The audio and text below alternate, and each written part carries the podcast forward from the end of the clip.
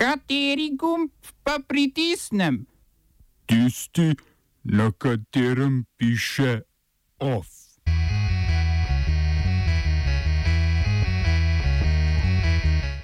Kitajska svojim podjetjem podelila licence za omrežje 5G.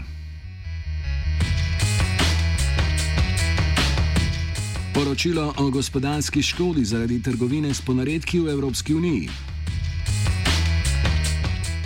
Na danskih parlamentarnih volitvah slavili socialdemokrati. Kaj je Story Slam in prvi glasbeno-filmski festival pri nas?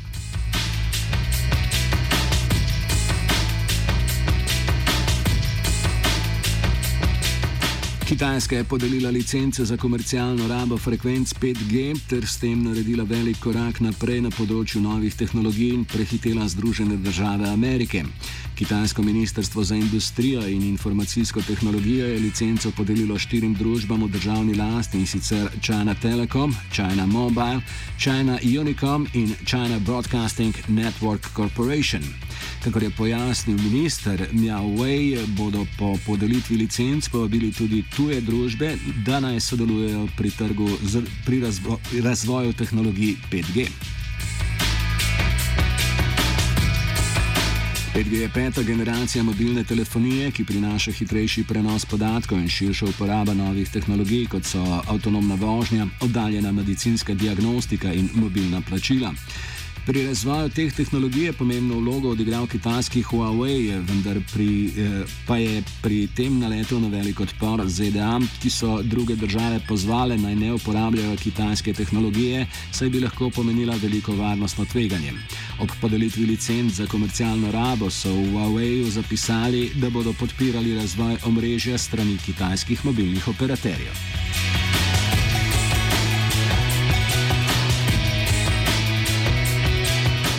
Urad Evropske unije za intelektualno lastnino v najnovejšem poročilu ugotavlja, da izgube zaradi ponarejanja in piratstva v 11 ključnih gospodarskih panogah v EU vsako leto znašajo skoraj 60 milijard evrov.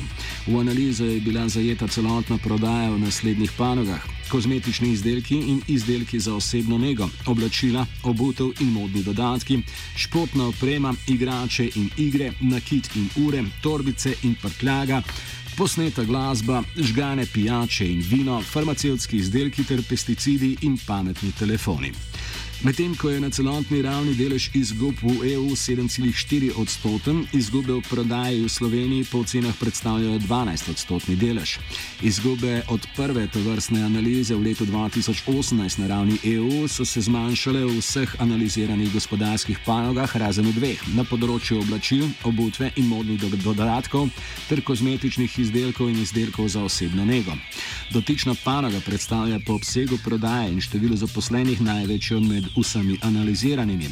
Po ocenah v poročilu naj bi izgube v tej panogi na ravni EU znašale približno 28,4 milijarde evrov letno, kar predstavlja malce manj kot 10 odstotkov celotnega obsega prodaje.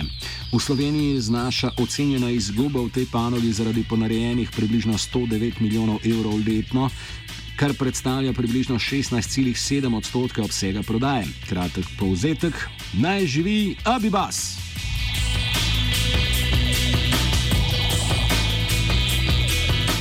Administracija ameriškega predsednika Donalda Trumpa je v sredo sporočila, da mladoletnim migrantom brez spremstva, ki so nastanjeni v zavetiščih, ukinja vso pravno pomoč, možnost učenja angliškega jezika in rekreacijo. Otroci bodo poslej deležni le še storitev, ki so nujne za njihovo življenje in varnost. Odločitev je sicer v nasprotju z ameriško zakonodajo, odločitvami zvezdnih sodišč in državnimi zakoni, ki za mladoletnike v varstvu zvezdne vlade zahtevajo obvezno izobraževanje in rekreacijo informacijo. Ameriška vlada je zavetišče obvestila, da omenjenih stroškov ne bo plačevala.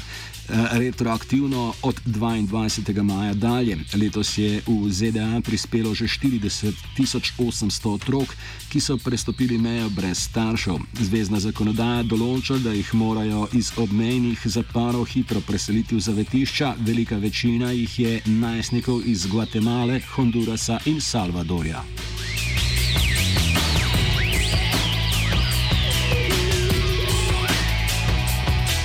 Floridsko zvezdno tožilstvo je proti nekdanjemu policistu Scottu Petersonu vložilo obtožnico v 11 točkah, ker ni posredoval v lanskem strelskem napadu na srednjo šolo v Parklandu, v katerem je umrlo 17 ljudi. Obtožnico nekdanjemu šerifovemu pomočniku iz Parklanda grozi do 100 let zapora.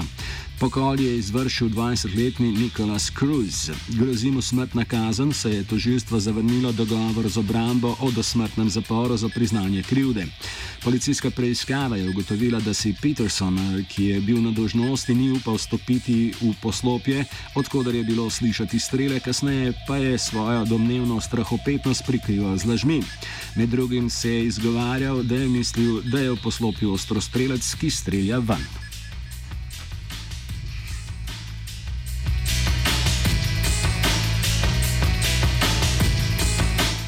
Republikanski guverner Floride Ron DeSantis, eh, ki javno podpira orožarski lobby, je prepričan, da si Peterson zasluži ostro kazen.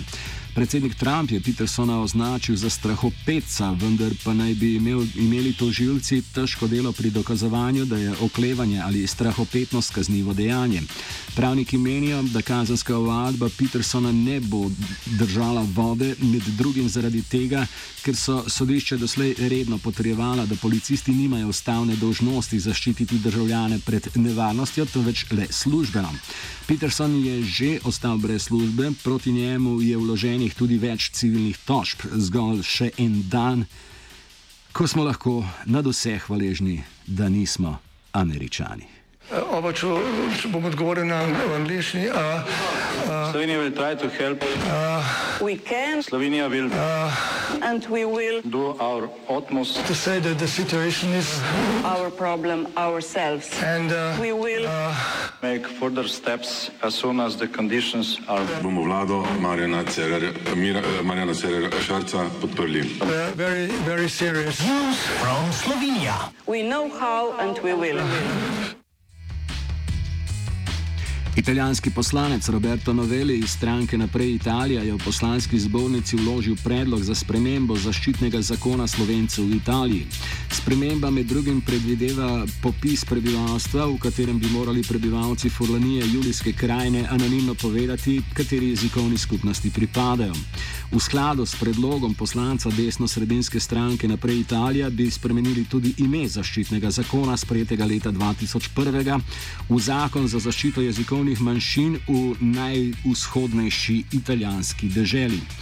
Ključna novost bi bila izvedba izrednega popisa prebivalstva, v katerem bi morali prebivalci te države anonimno povedati, kateri jezikovni skupnosti pripadajo.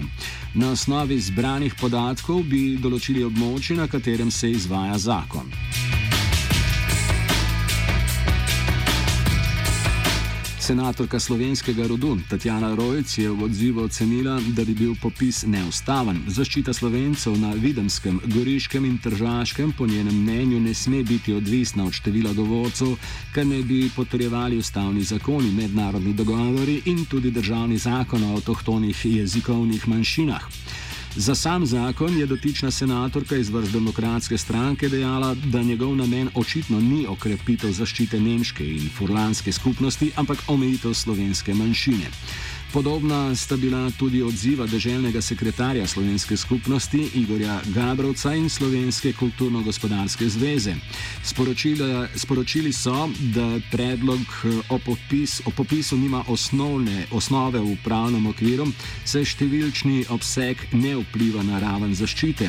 Izpostavili so, da v večkulturnem in večjezičnem okolju, v katerem sobivajo osebe, ki so ali se čutijo pripadnike različnih narodnostnih skupin, popis popis po narodnosti predstavlja tehnični in etični problem.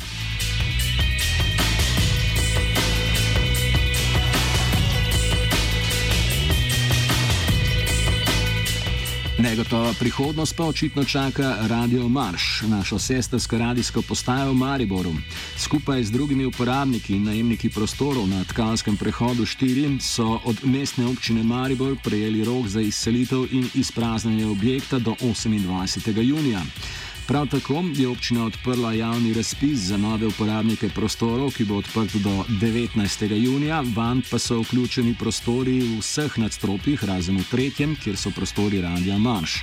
Neimenovani vir nam je povedal, da je od domačih oziroma, pardon, ne, neimenovani vir nam je povedal, da je do naših mariborskih kolegov pristopil kar sam župan Saša Arsenovič, ki jim je na vprašanje, ali se bodo morali izseliti, odgovoril, da se bo o tem osebno odločil na podlagi petletnega poslovnega načrtka, ki naj bi ga mu predočili.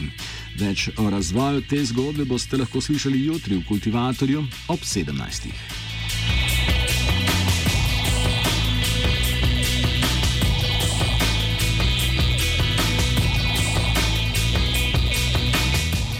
Današnji off program pa zaključujemo z radnostno novico, da naš dolgoletni sodelavec Mladen Zobec danes slavi zaključek drugostopenskega izobraževanja in je tako postal prvi magister v Republiki Sloveniji, ki ga poleg železne volje odlikuje tudi železen nasmeh.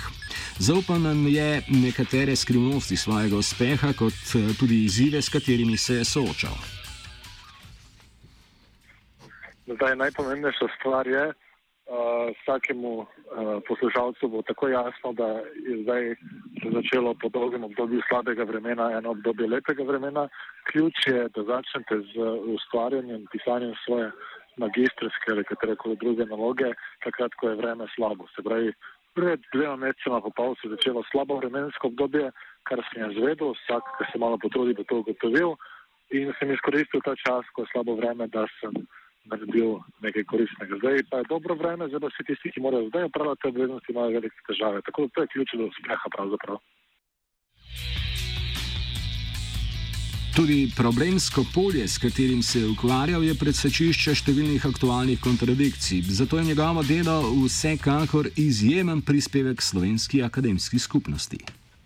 Ja, ukvarjali smo se predvsem v tem, da je v parlamentu, ne, v državnem zboru, spodnjem domu slovenskega parlamenta ena situacija, kjer pač eni so, drugi pa niso. Ne?